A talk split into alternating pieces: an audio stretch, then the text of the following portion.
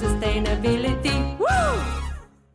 Wauw, ehm, hoe bizar. Alweer de honderdste aflevering van Test to Sustainability. 100. Ik kan het niet geloven, dit is zo vet. Mijn weg naar een duurzame leven hebben jullie van begin af aan al meegemaakt. Ja, hoe het begon. Ehm, zenuwachtig, heel zenuwachtig, met een wijntje in de hand, misschien één te veel en ontzettend zoekende. Ik wist gewoon niet wat duurzaam leven inhield. Ik vond het spannend, ik vond het eng, ik vond het groots. Ik dacht ook echt, als je duurzamer gaat leven, dan gaat het vooral over wat je allemaal niet meer mag. Eigenlijk minder leven.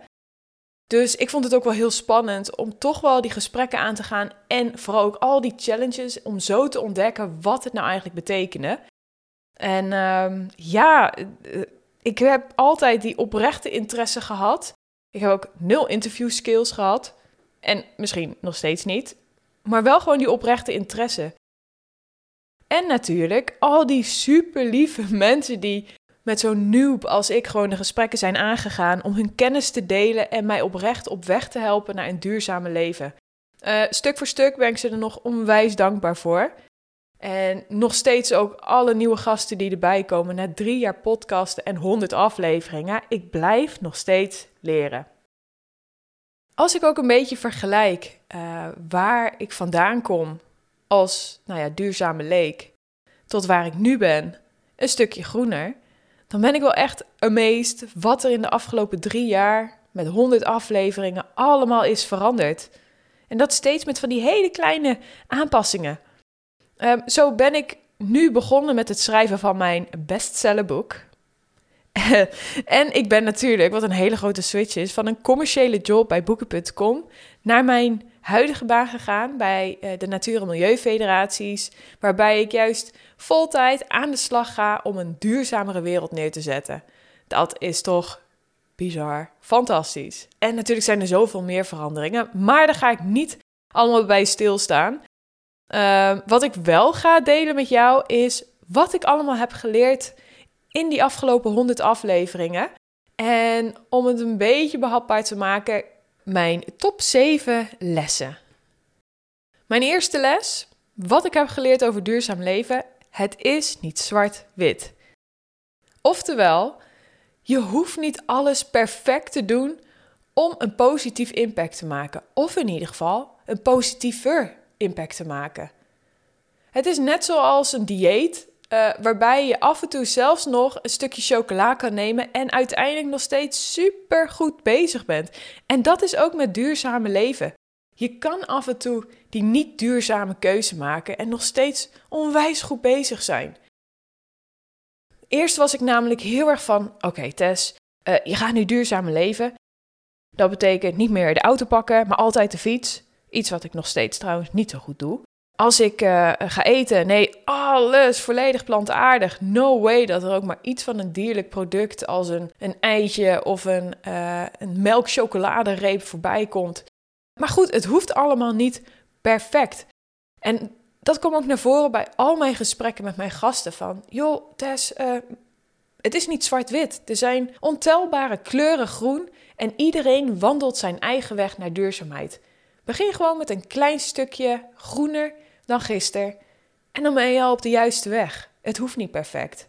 En dat is na drie jaar nog steeds iets waar ik naar ik leef. En door die gedachte geeft het al zoveel lucht. Dus ja, het is niet zwart-wit. We hebben alle kleuren groen. Nummer twee. Iedereen doet maar wat. Oké, dat is misschien ook wel een beetje heel erg hard. En uh, ik bedoel meer van, we zijn met z'n allen nog een beetje aan het zoeken van hoe gaan wij onze wereld nou vormgeven. Want we komen natuurlijk van een hele andere manier van denken, een lineaire economie. Wat ons vroeger ontzettend goed heeft gedaan. Hè? Dus dat wij op een gegeven moment ja, steeds meer gingen focussen op groei, op ontwikkeling. Wij zijn ook echt een heel welvarend land. Nou, dat is ontzettend goed voor ons geweest, deze manier van denken, van groei en uh, blijven ontwikkelen en meer, meer, meer. Maar het is uit de hand gelopen. Dus we moeten nou helemaal onze wereld en manier van leven een beetje gaan hervormen, waardoor het weer in balans is met de planeet. En dit is totaal iets nieuws. Dus wij moeten het allemaal gaan ontdekken. En dat kan alleen maar door, zoals ik het altijd noem, voorover te durven vallen. Dat betekent vallen, leren, kijken wat we nog meer kunnen doen, weer uitproberen, misschien weer vallen, misschien iets nieuws leren en dit gewoon allemaal samen doen. Dus niemand heeft al meteen het hapklare antwoord. Iedereen doet maar wat. En dat is goed. We moeten juist blijven doen en maar ontdekken. En zo komen we er wel. Dus dat is mijn tweede grote les. Mijn derde les.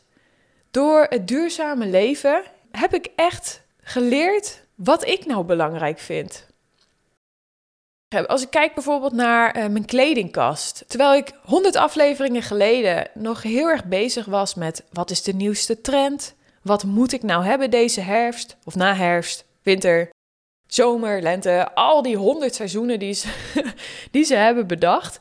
Alles had een eigen stijl, een must-have, wat ik natuurlijk weer moest hebben. Maar door juist daarvan af te stappen en me minder te laten beïnvloeden door de reclames, ben ik meer gaan ontdekken wie ben ik nou eigenlijk? En wat vind ik juist bijvoorbeeld vet om te dragen? En je wordt daarin ook wat creatiever. En daar kom ik zo op op nummer 4. Maar vooral van ja, hoe mooi is het als je je niet laat beïnvloeden door van alles en nog wat. Maar dat je gewoon luistert van hé, hey, wie ben ik? Wat vind ik belangrijk? En daar juist, nou ja, bijvoorbeeld de kledingkast op aanpassen. Nou, nummer 4. Ehm, door duurzamer te leven word je creatiever. Een ware Picasso. Want je gaat kijken naar wat kan je doen met de kaders die je hebt. Dus in plaats van dat je steeds op het nieuwe koopknopje drukt, of je gaat naar een supermarkt en je ziet daar elk soort groente, fruit dat het hele jaar door beschikbaar is, terwijl het misschien niet eens het seizoen ervoor is. Bijvoorbeeld aardbeien in de herfst. Maar in plaats daarvan ga je bijvoorbeeld kijken van, hé, hey, ik ben bij de lokale boer geweest. Wat zie ik dat nu de seizoensgroenten zijn? En juist daar meer leren koken. Dus je wordt ook veel creatiever met wat er is. Ook, om weer even terug dat kledingvoorbeeld te pakken. Ik wil niet iets nieuws kopen, maar ik ga in plaats daarvan naar een tweedehands winkel. Ineens kijk ik van, hé, hey, wat, wat kan ik met wat hier al is? Of ik kijk in mijn kledingkast en ik ga eens aparte combinaties maken met de kleding die ik al heb. Dus nummer 4, je wordt veel creatiever. Nummer 5, ehm, het is niet altijd een feestje. Nu ik dit opneem, zijn de verkiezingen echt net voorbij. Nou, ik kan je vertellen, ik vind dat zeker geen feestje. Hoe meer je ook verdiept in wat er allemaal gebeurt in de wereld, uh, maar ook onze manier van leven en wat voor impact dat heeft, ja, ik, ik word er soms ook wel onrustig van. Ik ben bijvoorbeeld vanuit mijn uh, werk ook bezig nu met een uh, campagne om het pesticidengebruik binnen huishoudens naar beneden te brengen.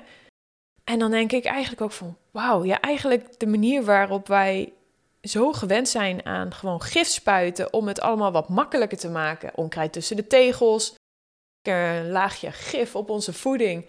Want ja, dan hebben we ook geen uh, nou ja, beestjes meer. Het is, ik word er soms ook een beetje onrustig van dat er soms nog dat het allemaal niet snel gaat om mij heen. En dat je ook een beetje machteloos voelt af en toe. Dus ja, het is niet altijd een feestje hoe meer je je verdiept in dat stukje duurzaamheid. Maar aan de andere kant hoor ik dan ook weer hele positieve verhalen van mensen die dit ook voelen en er ook wat aan doen. En dat inspireert weer enorm. En dan kom ik weer terug op, we moeten een beetje ontdekken, iets nieuws, een nieuwe wereld vormen. En dat kunnen we alleen maar door het te doen. Dan nummer 6. Nou, wat heb ik geleerd in de afgelopen 100 aflevering? Obviously, superveel praktische, handige tips om mijn afvalberg zo klein mogelijk te houden. Dus ik heb allemaal nieuwe dingen ontdekt met uh, nou ja, voeding, uh, de overstap van vegetarisch naar nu volledig plantaardig. Uh, hoe ik mijn kledingkast inricht, dus met huurconcepten zoals ik heb mud jeans, ik shop tweedehands. Ik huur af en toe ook wat kleding. Ik, heb, uh, ik verlaat het huis niet meer met mijn coffee-to-go beker en een handig zakje in mijn tas.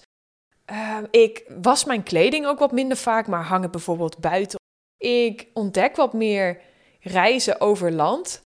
Uh, dus bijvoorbeeld uh, vakanties met de trein of nou ja, toch maar met de auto in plaats van vliegen. Het zijn allemaal kleine praktische tips die ik heb toegepast dankzij die zoveel challenges. Waardoor ik ook daadwerkelijk duurzamer ben gaan leven. Dus uh, natuurlijk is dit een onmisbare grote les van de afgelopen 100 afleveringen. En als laatste, dit vind ik echt fantastisch. wat ik heb gemerkt, en dat heb ik in het begin ook al gezegd, iedereen bewandelt zijn eigen weg naar een duurzame leven. Iedereen doet het op zijn eigen manier. Iedereen heeft ook zijn eigen niet zo'n duurzame guilty pleasure.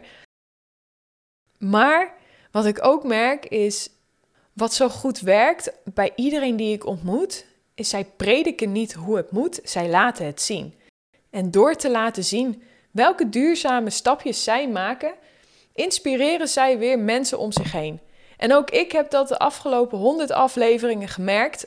Uh, ik heb privéberichtjes gekregen die zeggen van wauw Tess, dankzij deze aflevering of wat jij hier hebt laten zien, ben ik het ook gaan uitproberen. En dan merk je van, ja, onderschat je eigen kracht niet. De kracht van het laten zien van wat jij doet, zonder te prediken wat de ander moet doen. En dat is moeilijk. Ik vind dat zelf heel erg moeilijk. Het liefst predik ik en zeg ik van jongens, ik heb het antwoord gevonden. Ik voel me super fit, gelukkig. Ehm, top. Dit moet je doen.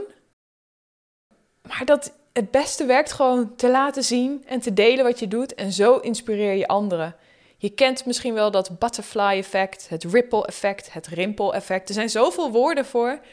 Wat laat zien? Jij inspireert één iemand. En die inspireert ook weer iemand. En die inspireert ook weer iemand. En uiteindelijk ben je met je ene actie heb je zoveel mensen geïnspireerd. Dus blijf gewoon doen. En doe het met een glimlach. Uh, ik blijf dat ook doen. En ja, dat waren dan ook mijn top 7 lessen na 100 afleveringen. En als het aan mij ligt, uh, plakken we er weer 100 tegenaan. Dankjewel. Test, test.